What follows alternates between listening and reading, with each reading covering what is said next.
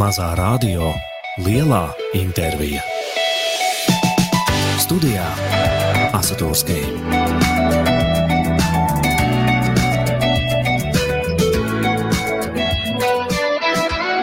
Sveiciens visiem, sveiciens visiem šajā vakarā. Mazā radio, lielā intervija ir klāta. Un, un mums ir pirmais viesis. Un man jau šī diena ir izdevusies. Viņa jau ir izdevusies, jo viesis ir šeit. Viss ir kārtībā, un es nevaru sagaidīt, kad mēs sāksim mūsu sarunu. Mūs var dzirdēt visādos viļņos, grādos, ciparos, neciparos, visur, kur slēdzat iekšā. Arī tosterī droši vien, ja jūs iespraudīsiet kaut ko iekšā, kādu tostermaizi, droši vien, ka šovakar tur arī mūs varēs dzirdēt.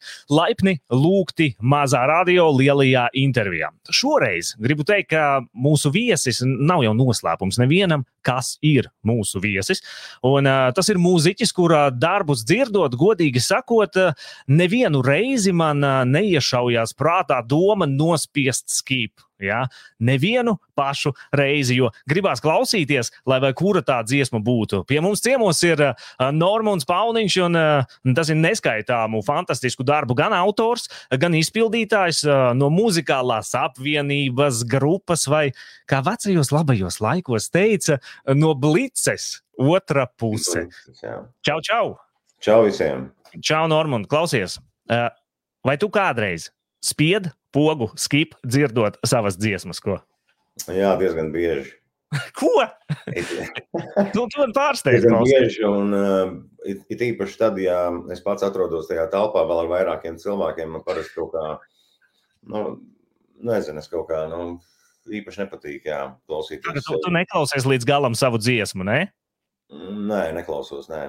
Izvairos Līdz, no tā. līdzi nedziedi un, un Līdzi nedzied, Nē, parasti, parasti tās dziesmas pārsteidz veikalos, lielveikalos. Tās dziesmas pārsteidz. Nu, un tad, tad tu īsti nezini, ko darīt, dziedāt līdzi, vai kaut kur slēpties, vai, vai, vai skriet ārā no veikala, vai ko kas jādara. Bet es nu, pie tā jau esmu arī pieredzējis. Tāpēc nu, arī tas vairs nešķiet nekas tāds baigi, nu, ko nevarētu pārvarēt.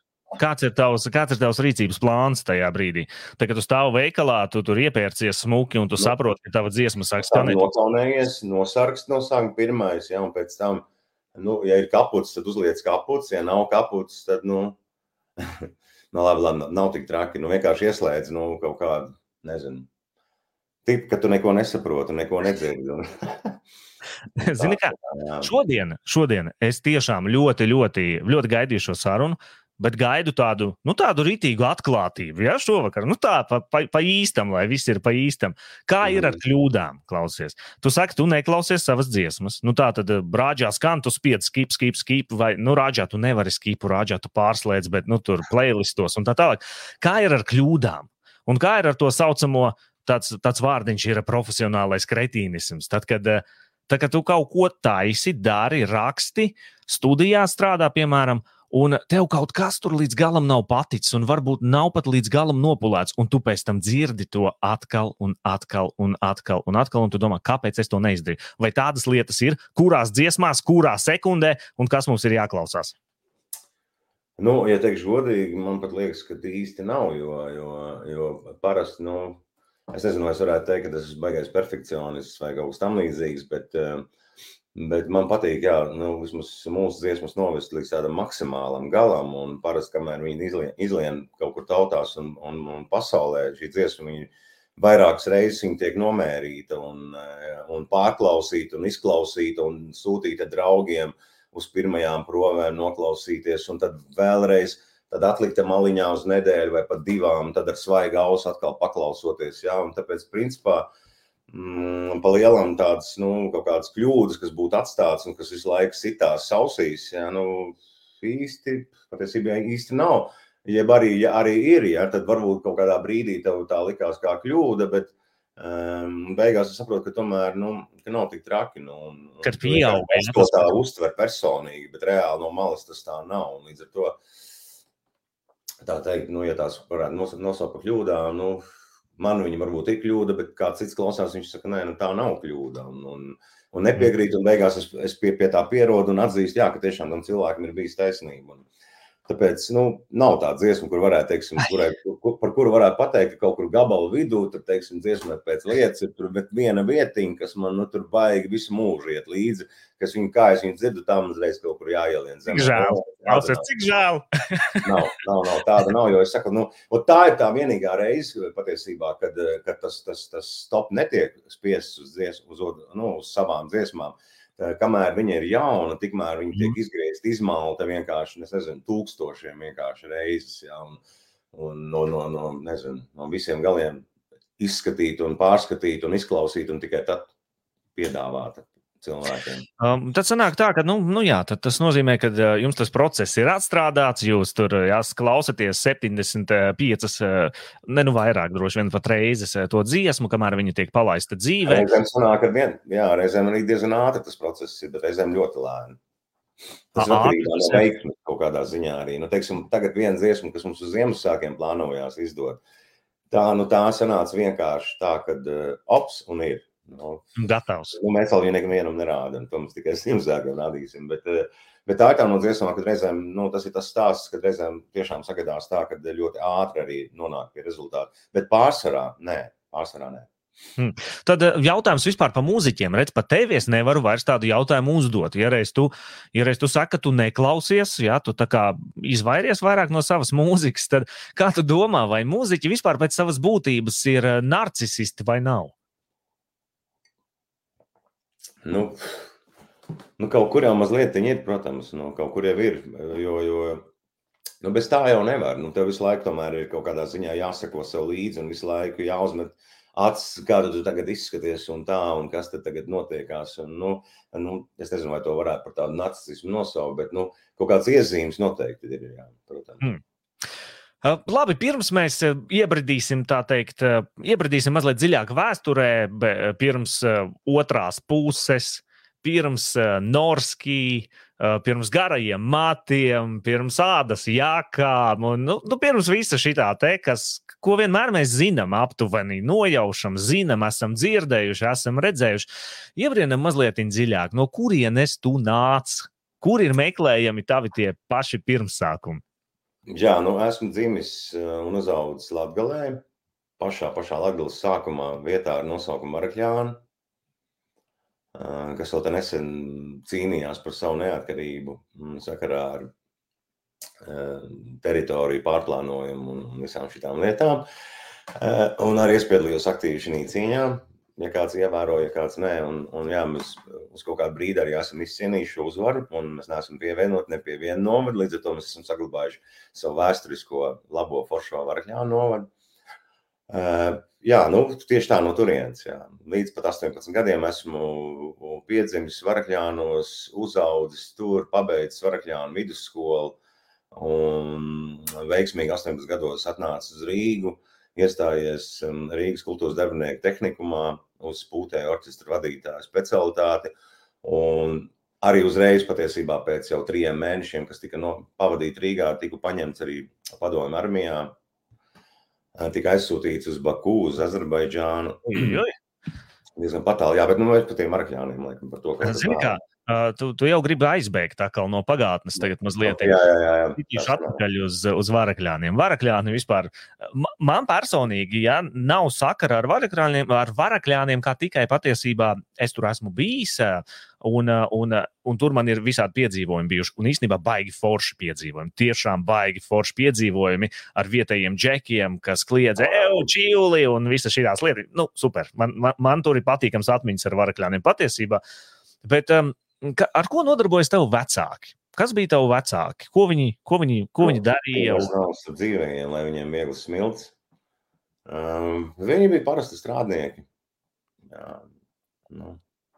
Nu, tā kā bija lauku sēta, varbūt, vai, vai kaut kas tamlīdzīgs. Nu, tēvs vairāk tā kā pa celtniecību kaut ko darīja, un tādas visādas lietas. Māma strādāja Samepits stacijā, Madonā. Un, um, nu, jā, Un, un, un zini, kā šie, šīs ir tās lietas, kas eh, man personīgi vienmēr liekas eh, diezgan interesantas. Tāpēc, kad eh, mēs ļoti daudz, kā jau es saku, zinām par mūsu muzeķiem, māksliniekiem un daudz ko par to, ko viņi dara tagad, ko viņi darīja kaut kādā brīdī, kopš viņi ir uzkāpuši uz skatuves. Bet, bet patiesībā kā līdz tam nonākt? Kā lai cilvēks, tas varakļānu čalīts, kā lai viņš, kā lai viņš saprot to, ka arī viņš var būt Normons Pauniņš, un arī viņš var kādreiz uzkāpt uz skatuves un, un, un darīt šādas lietas, ka tam nav nekādas nozīmes. No kurienes tu nāc pa lielam, ja, kad, kad, kad to var izcīnīt un līdz tam var nonākt. Un, Tāpēc es gribu prasīt, kā tu raksturotu sevi vispār skolas laikā, kas tu biji, kāds tu biji. Tu biji nūģis tu biji, tu biji, tu biji tas bulijs, vai, vai tu biji stereotipisks mākslinieks, vai, vai kādi bija tavi skolas laiki? Nu, labi, nu, tu, tās, tu tā par to, par kā tu nonāci līdz tam, patiesībā man nebija grūti līdz tam nonākt, jo man noveicās, ļoti noveicās ar to, ka um, tajā vietā, kur es dzīvoju, pašā centrā, Varakļāna, tieši pāri ielai, manai mājai ir kultūras nams. Un, uh, Un jau mazas, mazas bērnības es atceros, es visu laiku pavadīju ar vienu kāju, bija tajā kultūras namā. Jo, jo, jo pirmajā, manā mājā, pirmajā stāvā dzīvoja kultūras nama direktori un arī, un arī administratori. Viņas abas divas nu, galvenās, galvenās kultūras nama sievietes dzīvoja manā mājā. Līdz ar to man bija diezgan um, viegli pieeja kultūras namam. Pirmkārt, varakļā, otrkārt, jau no pašas mazotas man izmantoja. Ja tā varētu nosaukt, kā nu, es piedalījos kādas ceremonijās, kas, kā, kā, kā tas puisīts, kas nes um, gradzenus. Uh -huh, uh -huh. Un man blakus meitenīte nāca, viņa kaisīja laikam ziedus, kaut kā tā bija, un es nesu nes, laikam tos gradzenus vai kaut kas tam līdzīgs bija. Jā. Tā kā jau no pašas bērnības man tā, tā, tā, tā, tā, tā tas kultūras tā dzīve bija diezgan tuvu, blakus gan fiziski, gan arī, nu, gan arī manā galvā, jo, mm, jo, jo, jo kaut kādos 13 gados, nu jau skolas laikā, es sāku pirmās disences taisīt, un līdz ar to, kad man kaimiņiem bija, bija Varakļāna klusuma direktori, man bija diezgan vienkārši viņu pierunāt arī uz, uz to, ka es varbūt varētu pamēģināt arī Varakļāna klusumā uztaisīt diskotēku. Un, Un, jā, man tiešām man arī izdevās viņu pierunāt. Man pat iedalīja savu kabinetu. Iedomājieties, nu, Džekam 13 gados savs kabinets kultūras namā iet katru dienu. Savu magnetofonu iedeva kaut kādus līdzekļus, varēja nopirkt magnetofonu, varēja nopirkt lentes. Kaut ko, nu, atsakot, jā, tā ka tā, tā šī skatuves dzīve man bija diezgan, diezgan tuvu jau no, no bērnības. Un, un nekas svešs tas nebija. Jā. Un pēc tam arī, protams, vietējā varkļānu grupa parādījās kaut kādā 15 gadu vecumā, kur es biju solists. Jā, nu, tā, ka, kas par grupu? Kā, kā jūs saucāties? Kas tas bija? Man liekas, ka nebija nosaukums. Vienkārši varakļāna kultūras un vokāli instrumentālais ansamblis. Un, ko jūs spēlējāt? Kādu, kādu mūziku spēlējāt? Kaut kur uzstājāties? Jā, mēs, kā šodien atceros, daudz līniju spēlējām. Fomīnas kopēja ļoti Rodrigo. Tā laika mans, tā kā, nu, nu mana zvaigzne tā laika kam es sekoju līdzi ļoti. Jā, un, Un, nu, visādi latviešu estrādi, kas 80. gadu vidū tur bija. Nu, Vaida, tu būsi vēl, tu priecāsies. Un... Interesanti. Mēs vēl atgriezīsimies pie dīdžinga kaut kādā brīdī, mazliet vairāk. Bet interesanti, tu tikko runāji par elkiem, un, un tu teici, kas bija tavi Latvijas elki. Bet, uh, kurš pasaules līmeņa, teiksim, mākslinieks ir, ar kuru tu varētu salīdzināt sevi? Pasaules līmenī. Nu, baigais jautājums. Šito vajadzēja pirms tam jau iesūtīt. Es varētu padomāt, diena. Kas tev nāk prātā? Kas, kas tev nāk prātā? Kas, nu, tev... nu, nu, kas man ir tūs, jā, bet nu, es nezinu, vai es kaut kādā veidā vispār viņam varētu līdzināties. Tas ir, nu, man ir divi tūri patiesībā. Tas ir uh, Deivids Gāns no Depešmā, tas ir viens, un uh, otrs ir um, Bono no YouTube. Hmm tie divi tādi veči, uz kuriem es teiksim, jau no 80. gadu vidus, tiešām, kad es sāku arī disentu spēlēt un, un arī grupā dziedāt, jau tad es viņiem šitiem džekiem pieza, pie, pievērstu tādu pastiprinātu uzmanību, nu, ja tu runā par ārzemju. Mm -hmm. Mm -hmm. Uh, mums te, mūsu klausītāji raksta, ka uh, man patīk Normunda daļrade, un, uh, un mūsu klausās arī no, es droši vien nepareizi izrunāšu, jo man nav nejausmas, no kuras valsts tas ir Trondheima. Oho. Trondheim. Jā, nav nejausmas. Varbūt kāds, ne, nezinu, vai šīs planētas Zeme tas ir. Ceru, ka ir. Bet, jā, sveicieni, sveicieni visiem, kas mūs šobrīd dzird, un, un arī tie, kas redz patiesībā. Kā, diemžēl, ja atkārtojumā klausaties, redzēt nesanāks, bet, bet šobrīd tie, kas šeit jūs esat, sveiciens visiem. Nu, labi, jā, tad, tad par, par, par, par, to, par, par, par tiem elkiem. Ah, Norvēģija, saka, Norvēģija. Ok, ok. Labi, labi, paldies. Iemācījāt jā. man kaut ko jaunu. Uh, tā, um, pie kā mēs palikām? Um, ah, Mēs palikām pie tā, pie, pie DJinga un, un, un pie, pie varakļāniem, un, un pie, pie tā, ka tu sāki ar DJingu, tad jums bija grupa un tad skola. Un, un, un tas viss nav iegrāmatots pa lielam tik ļoti plaši, vai ne? Bet labprāt gribētos kādreiz redzēt kaut ko no tiem laikiem, bet eh, tev ir tā unikālā iespēja dzīvē, ka tavas gaitas, skatuves gaitas ir tomēr iegrāmatotas un ir iedokumentētas, tā teikt, dzīves vēsturē. Un uh, gribētu sākt ar 92. gadu. Un tā, protams, kad ir ja, grupas otra puse, tas sākums. Un, un, un kāds bija tas, eh, tas grupas pats, pats pirmotnējais, tā teikt, sastāvs? Nu, pats pats pirmotnējais sastāvs bija atzars no grupas Junkrava, jo, jo tajā laikā grupa Junkrava bija beigusi savu darbību un uh, jau kādu gadu vai divus ja nemaldos, viņi nekoncertēja. Un, un kā es sapratu, pēc tam, kad Aigaram Grāveram un Aigaram Krāslam, tātad diviem no eh, Jumpraus, viņiem jau sen brieda tāda, nu, eh, ideja par jaunas grupas dibināšanu. Viņi meklēja solistu. Jā. Bet, nu, protams, es, nu, es nebiju nekādos vispār plānos. Viņi no sākuma bija domājuši, patiesībā Rodrigo Fominu iemēģināja viņu. Tā arī radās dziesma pēc lietas. Uh, bet kaut kas, viņa, kaut kas, nu, es nezinu, es domāju, ka uh, pārāk liela milži viņa bija tajā brīdī, lai tur grāvers kopā ar, ar Rodrigo Fomins sajietu kaut kā kopā. Nu, kaut kas viņiem tur nesanāca. Katrā ziņā šīs ansamblis nekad tā arī netapa, bet uh, šīs savienības rezultāts bija dziesma pēc lietas, kas ir ar Rigo vārdiem, un tā ir Aigara krāsas melodija. Jo parasti visi jauci, visi domā, ka tā ir manējā dziesma, bet tā nav manējā dziesma. Jā. Un, un tad, tev, tad tev dzīvē sagadījās tik veiksmīgi, ka tu nogrābi to dziesmu. Ja? Tu mm. ieradies, redzēji, Jā, un... man sagadījās tiešām, ka es paķēru to dziesmu. Tas sagadījās tā, ka es tajā brīdī strādāju Valsts akadēmiskā korī Latvijā. Es vēl dzīvoju Filharmonijas um, kojās, kur ir dzīvojuši gan Olga Rajecka, gan Marhija Lēbičs. Nu, tur ir leģendārs personis, tur dzīvojuši. Un arī es tur patrāpījos 91. gadā, vai 92. gadā arī dzēnu strādāja Valsts akadēmiskā korī Latvija. Un, eh, un grāvim bija studija vecīga, arī netālu patiesībā no, no Filharmonijas Mārstaļa ielā. Jā. Un bija tā, ka tajās laikos, 91. gadā, vēl notika pēdējais konkurss Jūrmāla 91. Ja nemaldos, tas bija pēdējais, manuprāt, konkurss, kurā Fomins piedalījās, tur Muktupāls daudz mūsējie piedalījās, un es arī izdomāju, ka es gribētu piedalīties.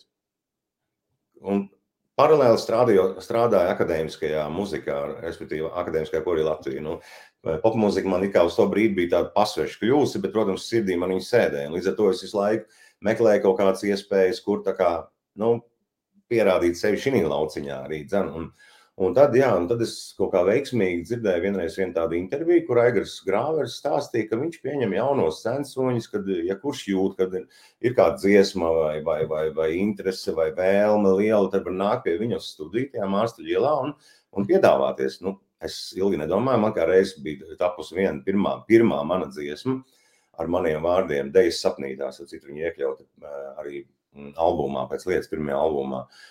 Jā, ar šo dziesmu tas arī spēros pie Aigra Grāvera studiju. Vienkārši nu, ar tādu domu, ka es tagad ierakstīšu to dziesmu, tad es viņu nosūtīšu to, jūrmu, to konkursu Jūrmo 91. Un, un, un Un iespējams, tikšu arī um, uzstāties tajā konkursā. Protams, konkursā es nekādā neno, nenokļuvu. Un mhm. ierakstu es aizsūties viņu. Es to ierakstu izdarīju, un vēl bija jāsūta, atceros, studijas lentē, vēl bija jāsūta tas viss pasākums. Cik, cik vecs tu biji tajā brīdī? Un tad man bija nezinu, 20, 22, laikam, 21, 22 man, gadi. Jā. Man, man ļoti gribās saprast vienu. Es, es tagad tā iedomājos, ja, kad uh, Tu tajā laikā sūtīji savu ierakstu, un, un, protams, pēc tam tu saņēmi zvanu atpakaļ, vai ne? Tu, protams, pēc tam tas viss pārveidojās un izveidojās par šo te apvienību, otra puse. Man, Jā. man bišķiņ, man bišķiņ gribētu zināt, Kāda bija tev tā sajūta tajā brīdī, tad, kad tu sūtīji to visu pasākumu, un beigās, kad tu saprati, ka kaut kas jums sanāks, ka tu tagad kāpsi uz skatuves un strādāsi ar, ar šiem cilvēkiem?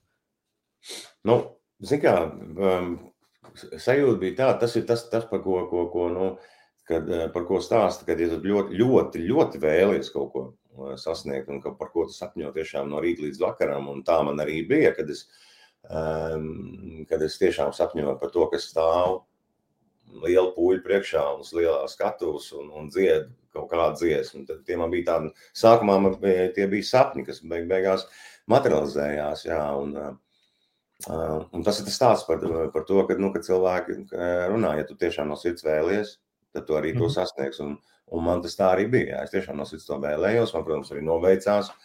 Viennozīmīgi to tā arī varētu teikt. Un, jā, un, un, un, un, un notika tas brīnums, kad, kad Aigas grāvis vienā jaukā dienā piezinīja man un, un teica, jā, nāc šurp uz studiju. Mums te ir viena dziesma, kas bija pēc lietas. Jā, es aizgāju studiju, viņi man parādīja vārdus, parādīja melodiju. Un tādā veidā, kā viņi skan, tā, tā viņi tika arī tajā tālākajā 92. gadā arī ierakstīta.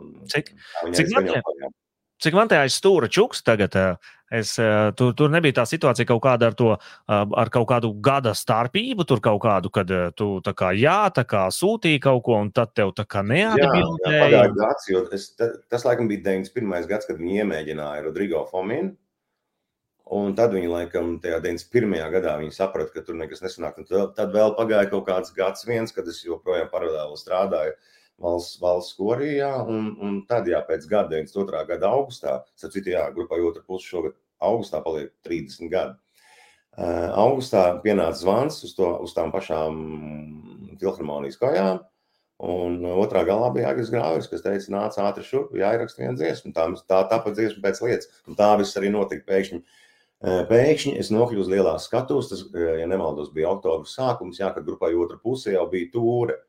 Nepagāja pat divi mēneši, kā grupa otra pusē jau devās visā Latvijas tūrē. Nu, Tas, Protams, tas ir interesanti. Klausies. Pamatu ņemot to, ka Daigas Grāvers bija joprojām populārs, liels zvaigznes, tāpēc arī, nu, kā pilnīgi jauna grupa varēja atļauties turēties. Un, jā, un uz to brīdi jau arī pēc lietas bija aizgājis rādio, um, kļūst jau daudz maz populārs. Jā, tā ka, nu, mm -hmm. jā man noveicās, no, ļoti noveicās tādā ziņā, ka, ka man nebija jāgrauž smagi darbi, jāveic līdz nokļūt līdz lielajai skatuvei. Nu, diezgan ātri viss tas notika. Mm -hmm. Un, un tad, tad, pienāca tas 93. gads, un uh, dziesmu aptauja mikrofons, un, un jūs ieguvāt otro vietu, ja pareizi. Tā bija Jā. otrā vietā ar dziesmu lietus. Aizbēgt, bet. Aizbēgt, bet. Man ir, man, ir, man ir citi jautājumi šajā gadījumā tieši par mikrofonu aptauju, ja runājot. Tur kas, kas tur notika? Nu, tā čukstus varbūt var izstāstīt, kas tur sievietes, vīrieši, narkotikas, alkohols. Tur. Eh, kā notika visa tā darbība? Tāpat kā MTV mūzikas balva, vai, vai kā vispār notika šis te, šīs te mikrofona aptauja? Ko tu redzēji un tā, ka tu tur to kāju iespēju iekšā? Kas tur notika? Um, jāsaka, godīgi, nu, baigi tā visu neatceros perfekti, bet um, Nu, es atceros, ka tajos laikos um, iedzert bija normāli. Alkohols uz skatuves arī bija normāli. 90. gadi, sāpīgie 90. gadi, kad um, mūziķi atļāvās iet uz skatuves. Pat, uh, nu, pat piedzērušies atļāvās iet uz skatuves. Es atceros, pat bija tādi laiki, pat ir bijuši. Jā, un, uh, protams, viss, tas viss strauji mainījās 2000. gados, bet uh, jā, par narkotikām gan es nezinu. Manuprāt, nekas tāds tajos laikos neklīvoja apkārt.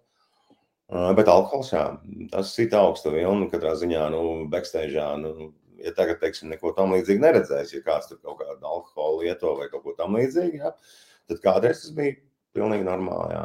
Bet nu, nu tikko, tikko bija beigusies Padomju Savienība, kur tas bija absolūti normāli. Tāpēc 92. un 93. gadā cilvēki vēl domāja tajās līnijās. Nu. Un, un kāda bija vispār tā, ja mēs šobrīd skatāmies uz balvu ceremonijām kaut kādām, nu, ja neskaita tagad Oskaru, kur tagad sit visi viens otru, ja, tad, tad patiesībā man ir man ļoti interesanti ir ka mikrofona aptauja vispār kā tāda, ja, teiksim, tu tur noķēri to momentu, tu biji, un no organizatoriskā viedokļa arī tā, tā, tā bija tāda ļoti laba, tāda sakārtota mašīna, Vai tas bija tāds draugu koncerts patiesībā? Kā, kāda bija tā sajūta? Nu, vairāk, man liekas, tomēr tas bija draugu koncerts. Jo nu, 93. gads vēl galīgi nebija tas gads, kad, par kuru varētu runāt, kad uh, Latvijā bija izveidojusies kaut kāda. Nu, kaut kāda popmūzikas scēna vai kaut kas tamlīdzīgs. Nu, visi taustījās, visi meklējās, visi kaut ko radīja. Bet forši paldies tiešām mikrofonu, kas kaut ko tādu darīja. Jo tajā laikā tas bija vienīgais atskaites punkts, tiešām, pie kā varēja pieturēties un pēc kā varēja pateikt, nu, kas tad Latvijā ir populārs un kas nav. Un te ir jautājums vēl no mūsu klausītājiem. Un, manuprāt, diezgan interesants jautājums, jo mēs jau pirms tam runājām par to 92. gadu, par, o, par otru pusi un par tūri, kad uzreiz jā, tevi bez mazliet tā kā tādu karstu bulciņu no krāsnes ārā un aiziet, jā, un brauc strādā. Jautājums ir vairāk par to, cik dziesmas jums vispār bija, lai jūs turē varētu braukt četras, raksta, vai cik, cik dziesmas bija? Mm, jā, Labs jautājums, ļoti jā, labs jautājums. Jo mums, nē, mums patiesībā bija vairākas dziesmas jau uz to brīdi. Bija kaut kādas, laikam, um, sešas vai septiņas, no kurām mēs kaut kādas divas, laikam, nu, ar kurām mēs iesākām, pēc tam ar tām pašām arī pabeidzām. Man liekas, kaut kā tā tur bija. Tur kaut kā vajadzēja izstiet to. Tur tās 40 minūtes kaut kā vajadzēja dabūt gatavs. Bija pilnīgi jaunas dziesmas, ko mēs spēlējām, kas vēl nebija ierakstīts, ko cilvēki vienkārši dzirdēja mm, pirmoreiz koncertā, un tikai kaut kad pēc tam, tālāk, 95. gadā, mēs izdevām tikai vispār viņas tika ierakstīts un tika izdots vispār. Jā. Bija, bija tāda laika. Jā. Skatoties uz to sarakstu, ja nu tālāk tas 93. gads, un mikrofons, un apbalvojumi, un viss ir skaisti. Un, un, un tad, tad notiek tāds jocīgs notikums. Un, nu, tur sāk tā kā otra puse kā pa, pa, pa klucīšiem un pa detaļām dalīties. Tad man, man reāli ir jāprasa jautājums, kas notika ar uh, grāveru, kāpēc viņš aiztina makšķeri, ka, kas tur bija pa lietām, kas, kas jums tur notikās, kad uh, jūs nonācāt līdz tam brīdim, kad uh, pa vienam, pa vienam, pa vienam, un, un beigās palika, nu, principā pāris cilvēki. Hmm.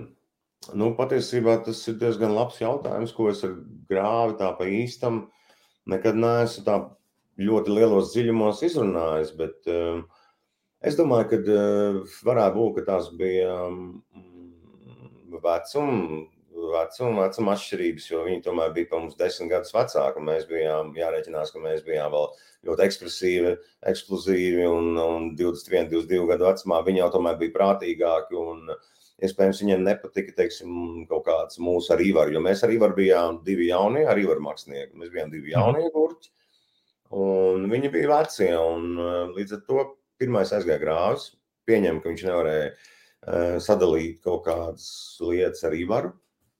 Bet arī šis nav izrunāts, tāpēc es tā tagad izteicos tā ļoti subjektīvi. Un, varbūt tas tā arī nav. Un, mm, bet es domāju, tas bija vairāk dēļ tā, ka Daigas vienkārši saprata, ka, eh, nu, ka, ka viņam interesē kaut kas cits. Viņš, viņš tajā laikā arī sāk tikties ar Olgu Jēcku tieši, un viņiem izveidojas grupa bāze septiņi.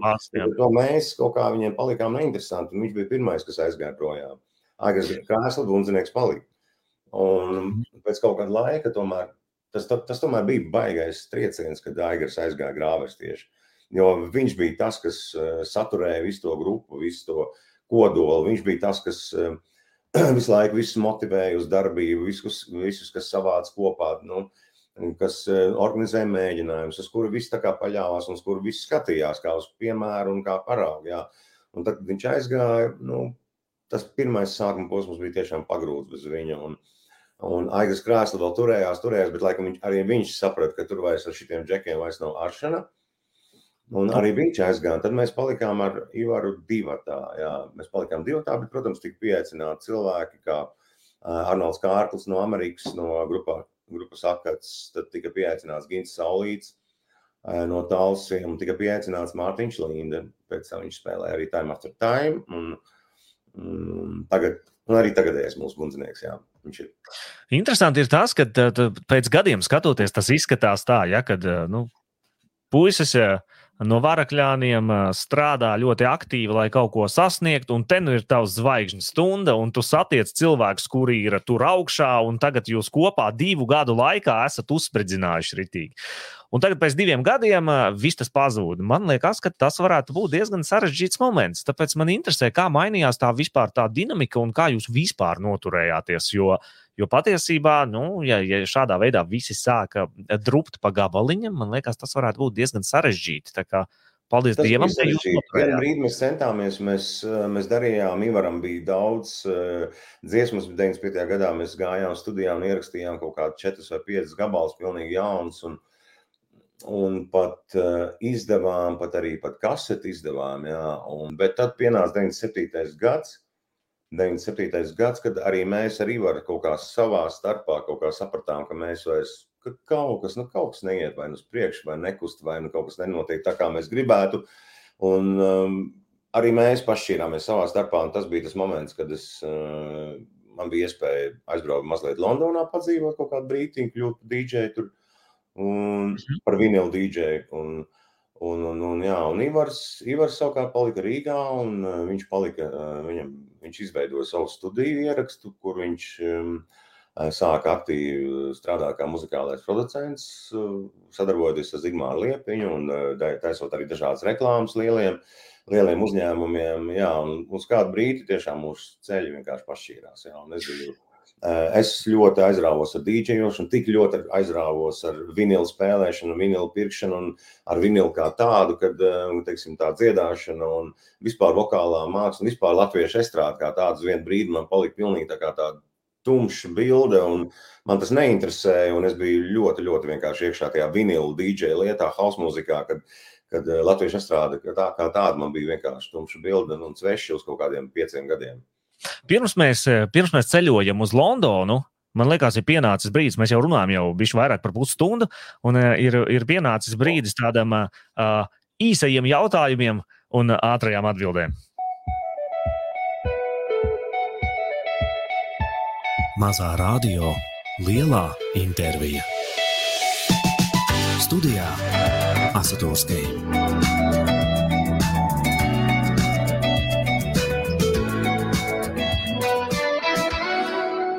Atgādināšu, ka šodien mūsu radio studijā ir eh, Normons Pauniņš, grupa, otra puse, leģendāra grupa, eh, kā mēs visi zinām, un eh, tāda dramatiska mūzika tagad fonā. Ja?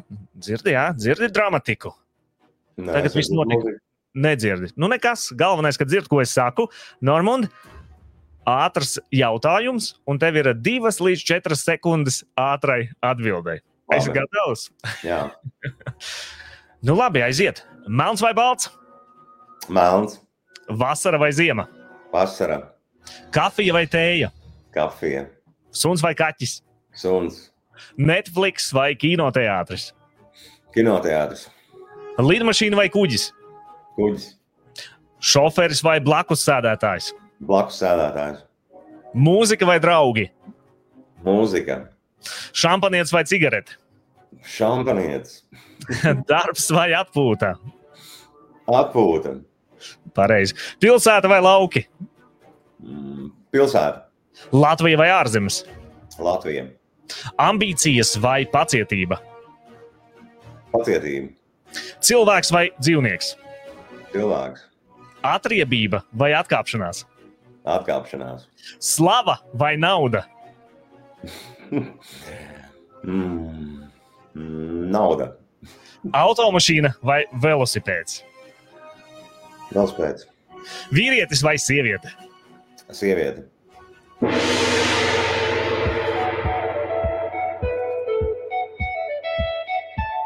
Mazā radio, lielā intervija. Studijā Asatūrskija.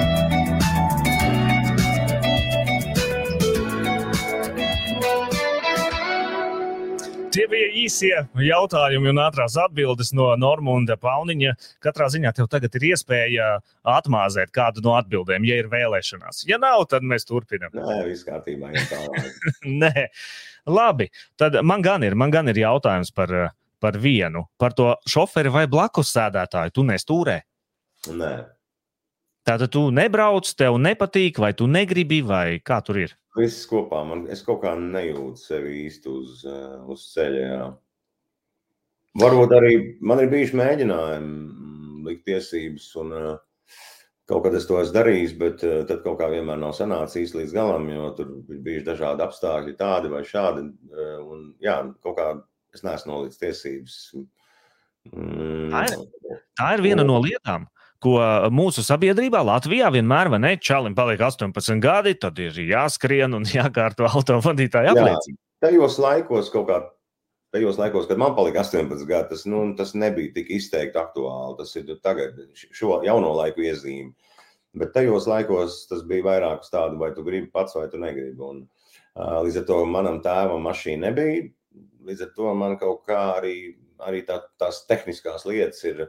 Kaut kad vēl bērnībā man viņas patika, bet tajā brīdī, kad es sāku ar muziku aktīvi nodarboties, un um, gan dīdžejot, gan spēlēt grupā, man tehniskās lietas kaut kā galīgi aizgāja pavisam citā plānā un pavisam patālā plānā. Līdz ar to Līdz ar to es tiesības arī neesmu nolicis, es nejūtu sevis ceļa, bet man arī nav bijis, ja man būtu ļoti tāda nepieciešamība, es noteikti to būtu darījis, bet tā kā es visu laiku dzīvoju uh, Rīgā centrā, man ir velo, man īsti nav ar, ar to mašīnu, man nav tāda darīšana, lai es ar kaut kur viņu vajag braukāt un kaut ko izvadāt vai kaut ko tam līdzīgu. Man principā gandrīz visas tās manas darīšanas, kas ir vai nu ar kājām, ir aizga, aiz, aizstaigājams, mhm, vai mhm. riteni aizbraucams, vai nu, kaut kādos gadījumos, protams, vai taks izmantojams. Un, nu, ja gabali ir veicami, teiksim tā. Un, ja man būtu kaut kāda profesija, varbūt būtu saistīta ar, ka man teikšu, tiešām būtu jābūt ar to auto bieži un tā, tad varbūt es tiešām, bet man vienkārši nekad nav bijis tāda baigā nepieciešamība pēc auto. Mm -hmm. Visi koncerti arī izbrauc, un viss pārsvarā ir ar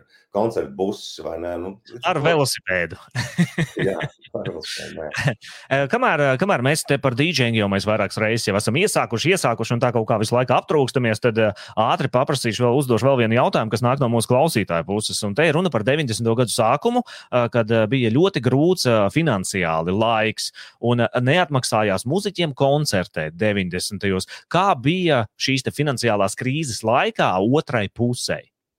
Es pat pats brīnos, vispār, kā mēs tajā laikā esam izdzīvojuši. Jo tiešām honorāri bija minimāli. Un, es tiešām brīnos, tiešām kaut kāds fenomens tas ir bijis. Vienkārši kādā veidā mēs to naudu esam ekonomiski, ekonomiski kaut kādā veidā izlietojuši. Bet es saku, ar visu to, kad bija maz koncertu, bija maz, eh, maz diskotēks, eh, ar visu to kaut kā tika atlicināta vienalga nauda. Gan gan vinilu platēm, gan jaunākajai muzikai, gan arī nu, ģitārām un instrumentiem. Uh, protams, tajā laikā bija jāsaka arī paldies arī kaut kādiem sponsoriem, kas mums bija. Un tā, un līdz ar to kaut kādā veidā mēs izdzīvojām. Jā. Es skatos, tas bija grūti. Tas bija grūti jā. Mm. Uh, jautājums ir par festivālu Bildes 97. Jā, Cik tas bija mūsu pēdējā uzstāšanās, jā, tad skaitījās. Jā, nu, tā bija jūsu pēdējā uzstāšanās, un pēc tam tu krāmēji čemodānu un devies Londonas virzienā. Kā tu pieņēmi šo lēmumu tieši doties uz Londonu un kāpēc? Kas notika tajā laikā? Mm, jo sagadījās tā, ka uh, tajā laikā tieši man izbeidzās grupu attiecības uh, arī. Un, uh, Bet man savukārt eh, bija draugs Gins Saulīts Talsnieks, kuram arī izbeidzās darbs tieši tajā brīdī. Un sagadījās tā, ka uh, viņa māsa, Ginta māsa, jau dzīvoja Londonā, un mums jau bija pie kā braukt.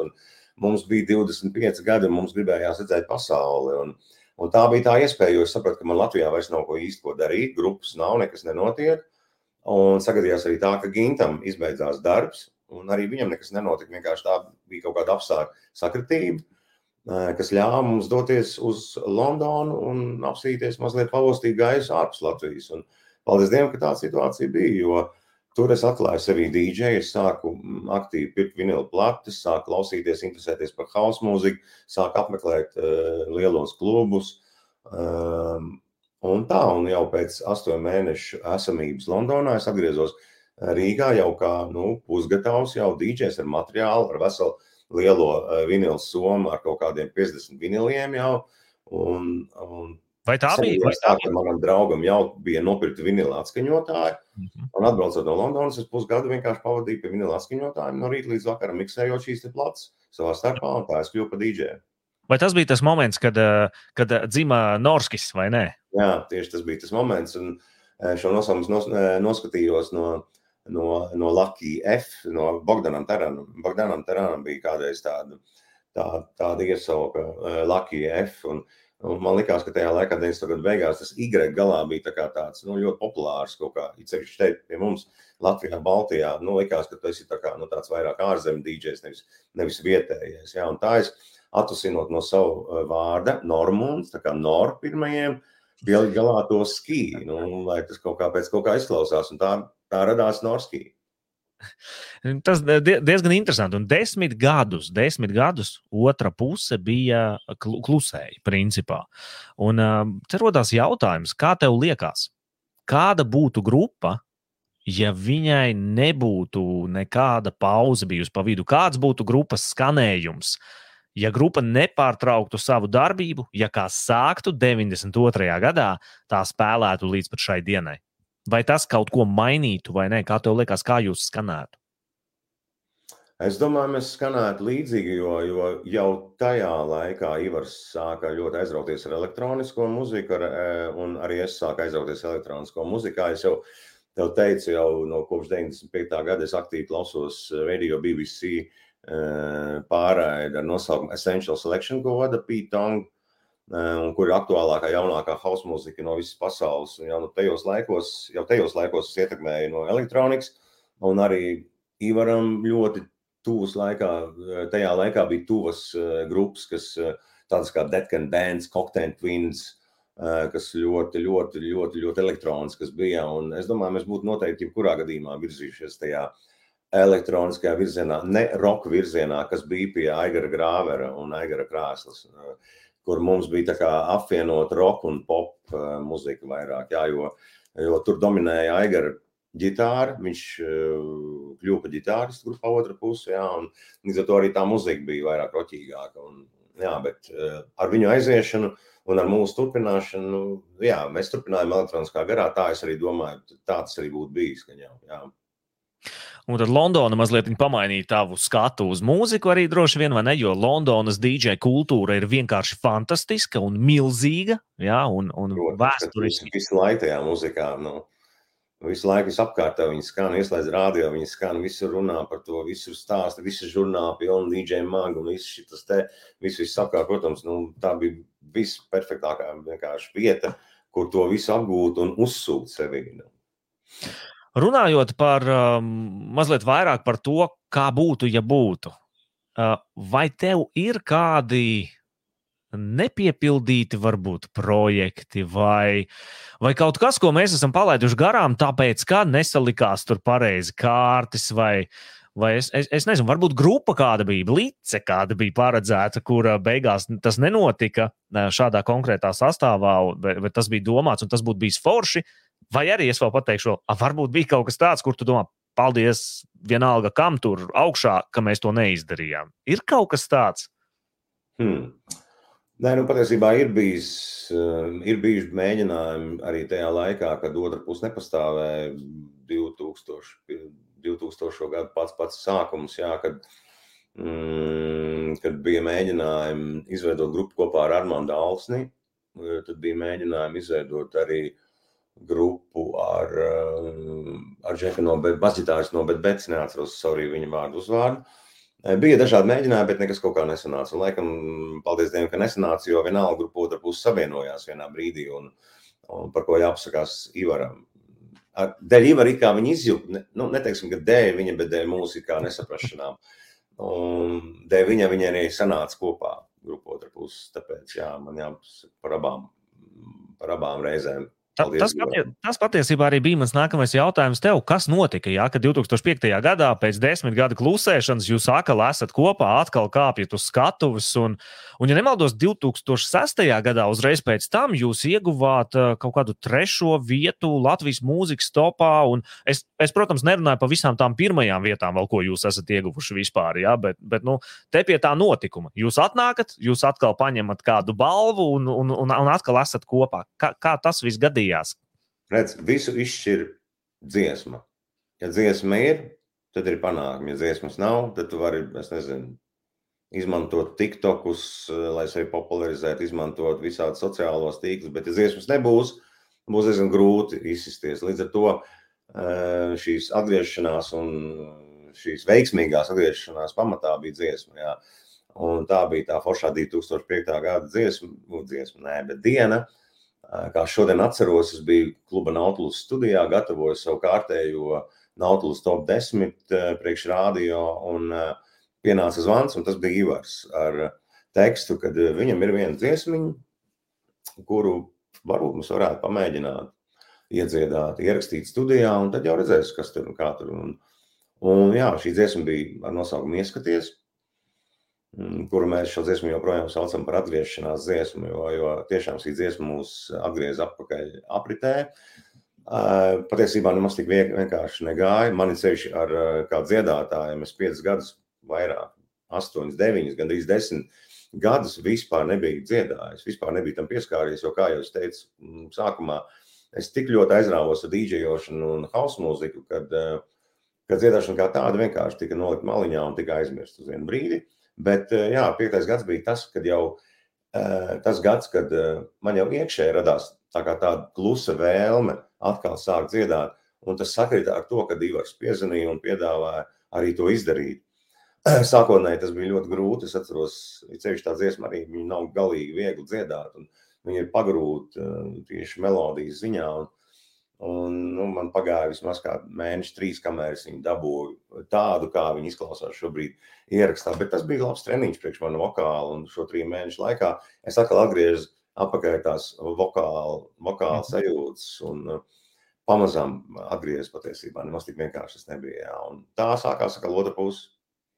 Vai jūs jebkad esat patiesībā mēģinājuši izlausties, varbūt, nezinu, Eiropas tirgū tieši ar otru pusi, vai Krievijas tirgū, vai Āzija, varbūt, es nezinu, kādi jums kaut kādi plāni vispār ir bijuši, vai mēģinājumi pat varbūt?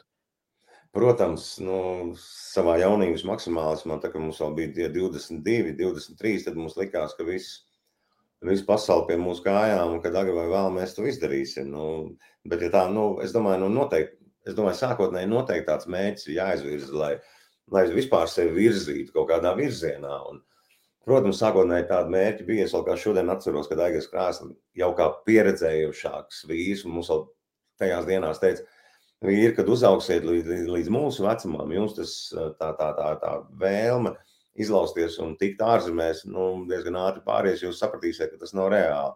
Mēs teicām, ko nu, nē, tas ir reāli, protams, un tā tālāk. Un tā tālāk. Nu, protams, pēc gadiem mēs sapratām, ka tas nav tik vienkārši, bet mēs, bet, bet mēs paspējām tomēr ierakstīt arī kādu dziesmu ārzemēs. Un tas bija 93. gads, kad mums uh, noveicās būt uh, Zviedrijā, Norčepingā, profesionālā studijā. Un ierakstīt dziesmu vēstules, eh, jo tajā laikā Aigaram Grāveram viņa studijai eh, bija sadarbība kaut kādā veidā izveidojās ar Norčipingu studiju, un tad bija tā, ka no turienes atbrauc kāda grupa pie mums uzspēlēt klubiņā, ierakstīt kādu dziesmiņu, tas bija vairāk tāds plezīrs, jā. Un, eh, un arī mēs, mums arī izdevās tādā veidā aizceļot to Norčipingu, ierakstīt um, ārzemju studijā dziesmu, apēst pirmo kebabu, aiziet uz pirmo ķīniešu restorānu. Kāda, nu, kāda? Jā, tas, tas bija vienalga, tas bija forši, bet, bet par tādiem plāniem iekarot pasauli, nē, mm. tie mums diezgan ātri pazudījā. Es tieši par, par, par Norčipingu gribēju prasīt, jo man patiesībā interesē cits aspekts. Man interesē tas aspekts tajos gados, jā, 90. gadi, pats sākums, aizdoties uz citu valsti, uh, uh, ierakstīt kaut ko studijā. Jūs droši vien strādājāt ar vietējiem inženieriem. Jā, jā. tie bija vietējie skaņu inženieri. Un, nezinu, kā jums tur bija ar, ar, ar varbūt kāds vēl piespēlēja, varbūt bija kāds session musicians. Varbūt, ne, viņi, tikai, viņi strādāja kā ierakstu režisori, kas tieši samiksē visu gatavu materiālu, ko mēs paši ierakstījām. Un kāda bija tā starpība, tā, kad tu salīdzini, piemēram, kā jūs rakstījāties Rīgā, pieņemsim, un kā jūs rakstījāties tur? Nu, patiesībā Mm, nekāda lielā, jau tik liela atšķirība, tā kā es to biju iedomājies, pirms tam nebija. Nu, viss pilnīgi ļoti līdzīgi notika tieši tāpat kā pie mums. Un arī Aigaram Grāveram tajā brīdī jau bija profesionāla studija, sava studija, un mēs jau bijām pieraduši pie, pie, pie profesionālām lietām. Tāpēc tas nebija nekādā veidā pārsteigums. Pārsteigums bija, es saku, ķīniešu restorāns un kebabs. Tie bija lielāki pārsteigumi nekā muzikāli pārsteigumi. Mums tas sagaidīja. Um, jautājums ir par, uh, no mūsu klausītājiem, jautājums ir par uh, dziesmu angļu valodā, kad bija arī jums dziesma angļu valodā, jā, kad tā tad laikam jau gribējāt kaut kur, vai ne? Nu, vēl jau, protams, es arī varu pateikt, nu, pieņemsim, jums jau arī bija dziesma Eta Kaksoni, jums bija dziesma, tad jums bija agoņa vai ne dziesma, tās, tās ir krievu valodā dziesmas, tad angļu valodā dziesmas, latviešu valodā. Bija vēl kaut kādas valodas tur miksā kaut kur, vai nebija? Nē, nu, patiesībā jā, tie ir tie bija tādi mēģinājumi, jā, varbūt, varbūt paustīt gaismu, kas notiek Krievijas tirgu. Tad mēs tās dziesmas Etakaksonu un Angoņu ierakstījām un pat aizsūtījām uz vietējām radiostacijām, bet, bet, jā, bet šī lauciņā Krievijas radiostacijas kaut kā īsti mūs nepaņēma. Varbūt viņi kādreiz arī nospēlēja Etakaks un varbūt arī nenospēlēja. Es pats personīgi neesmu dzirdējis. Kāds man teica, ka esot dzirdējis, bet, bet te mēs tomēr nedabūjām to, to, to mm, feedback. Mm -hmm. nedabūjām, sapratām, ka mums tur īsti mūs tur neviens baigi negaida tajā visā. Un līdz ar to, līdz ar to ka nebija panākumu, līdz ar to tas arī tika nomests maliņā. Un par to neviens vairs īpaši ne, ne, nepiedomāja. Kāds bija, tā, kāds bija vokālais sastāvs dziesmai, ieskaties? Vokālais sastāvs? Jā, kas, kas, kas...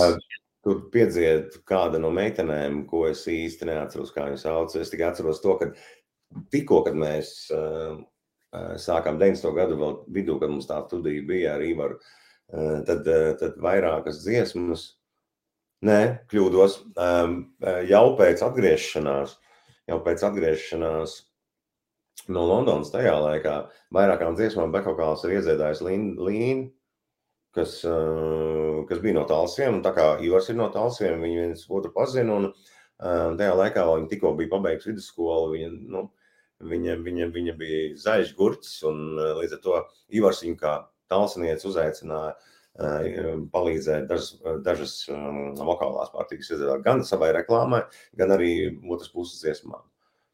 Mm. Viņa ir piedzēdājusi, es neatceros precīzi, kuras tās dziesmas tagad vairāk, kur viņi ir dzirdami viņas balss, tā bekokāla valsts, bet ir kaut kāds dziesmas, jā, kur viņi ir iedzēdājusi bekokāls. Jautājums ir cits, tad tagad ir jautājums tāds, ko tālāk? Kas notiek tālāk? Kas, kas tagad notiek? Tu, tu esi izgājis tādam diezgan, diezgan interesantam dzīves posmam, ar augšām, lejām, ar karjeras maiņu, ar, ar valsts maiņu, ar jaunām pieredzēm. Tu atgriezies, tu atkal, protams, nu, nu nevari tu bez tās otras puses, un tas ir forši, ka tu nevari. Un, un jūs tur taisat labas lietas. Un, un, un kas tagad? Kas tagad notiek? Ko, ko tālāk? Uh, nu, saprotam to, ka tā, tā mašīna ar nosaukumu otra puse ir, um, viņa nevar nolikt malā, jo tas tomēr ir mūsu profesionālais darbs. Un, un uh, pirmkārt, otrkārt, um, otrkārt, tur ir tik daudz jau ir izdarīts kopš 92. gada, kad grupa otra puse dzima, tad to visu vienkārši tā pamest novārtā būtu pilnīgi stulbi. Tāpēc mēs turpinām, mēs turpinām, mēs rakstām jaunas dziesmas, mēs turpinām jaunas rakst, ierakstīt jaunas dziesmas, un rudenī mēs ceram uz uh, pilnīgi jaunu albumu iznākšanu. Un, uh, rudenī būs grupai otra puse arī 30 gadu jubileja, tāpēc uh, mūs sagaida liela notikuma. Kā tev liekas, mēs katrā ziņā gaidīsim, tas ir pilnīgi noteikti, bet kā tev liekas, vai tu esi veiksminieks? Nu, ja es esmu nonācis līdz šim, tad es domāju, ka jā. Kas, kas, kas, kas ir tavā, tavā uztverē, teiksim, tāda nu, tiešām patiesa veiksme?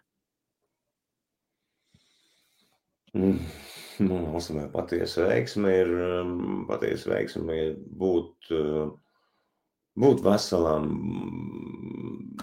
nezinu, uh, nebūt nabadzīgam, nu, uh, nebūt karā, nu, dzīvot brīvā valstī, pēdušam. Nu, Un kas ir, kas, kas ir tas, Kas, kas ir tas, kas, par ko tu varētu teikt, kad ejot šo ceļu un turpinot šo ceļu, kas ir tas, ar ko tu lepojies? Kas ir tas, ar ko tu ļoti lepojies?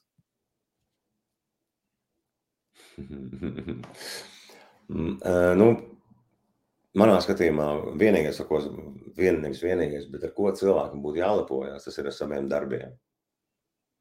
Un, ja ja par tiem, ja, ja, ja tie ir tādi, par kuriem var lepoties, tad, eh, tad arī cilvēka iekšējā pasaule ir, ir eh, apmierināta, harmoniska, un ja tu esi apmierināts ar, ar to, ko tu dari.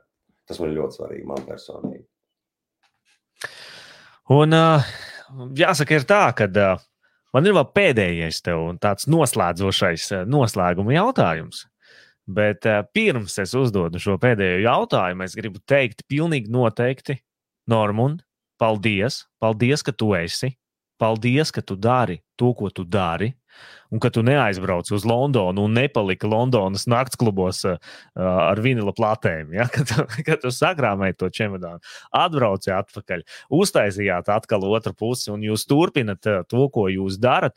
Un bez nekādiem varu likt roku uz sirds, kad uh, ieslēdzot uh, otras puses skaņdarbus, es tiešām nekad neko negribu aiztikt, jo es varu klausīties kā pirmo dziesmu, tā arī 21. un 50. 150. Jo tiešām šīs dziesmas ir, nu, ir viņas, ir viņas mūsu sirdīs. Nu, ir. Un, ja tu nebūtu atgriezies, tad daudz kā no tā visa nebūtu. Redz, kā. Gribu noslēgt. Tu pirms tam, zini, tu teici, pirms intervijas, tu teici, ko mēs stundu, taču nevar stundu norunāt. Bet, zini, es vēl pat stundu ar tevi labprāt runātu. bet, uh, pēdējais jautājums tāds, bišķiņ padomāt.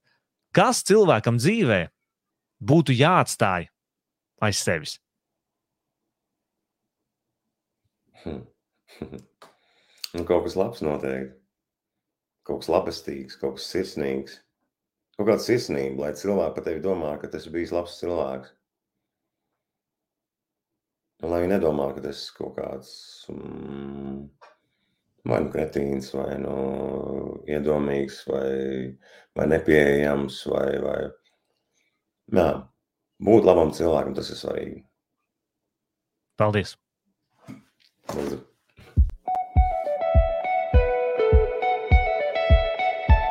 Mazā radio, lielā intervija.